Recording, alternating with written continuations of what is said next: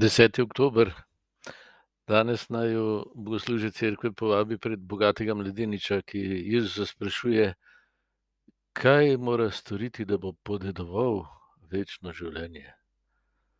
Jezus uh, mu preprosto odgovori, da mu samo eno manjka. Ob njem, se pravi ob Jezusu, bo postal sin in brat bo postajal nekdo, ki živi z očetovo ljubezni. Ne bo samo nekdo, ki vsa pravila, ki jih je, ne vem koliko bilo, pridih čez šesto, uresničuje, eh, ki je pa sicer navezan na to, kar ima, se ne veseli tega, kar je. Nima veselja tega, kar v resnici je.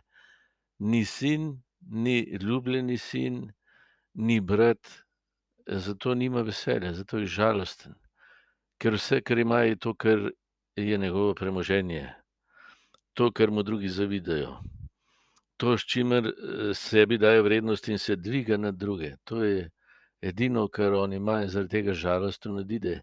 In je tudi žalosten, ko ga gleda, kako noče biti to, kar v resnici je, in ob Jezusu bi to odkril in iz tega začel živeti, bi doživel pravo veselje. Eh, ti si moj ljubljeni sin, zelo sem te vesel. To je naša identiteta in naše veselje. Obdajajo te bratje, ki sem jih prav tako vesel, in sestre, seveda. Uh, in če iz tega zajemam, potem so moja dejanja dobra. Zakaj? Ker drugim pokažejo, da jih Bog ljubi. Dokler pa jaz delam nekaj dobrega, tudi zato, da imam več, da sem bolj upošteven, da, sem, da imam posebno kadilnico pri drugih, in tako naprej, pa ne sodelujem s tem, kar Bog dela.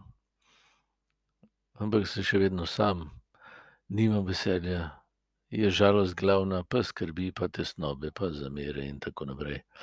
Še vedno živim iz tega, kar imam, ne znam, oziroma ne morem, zato ker ne poznam Jezusa, ker nisem z njim, pa živeti iz tega, kar sem.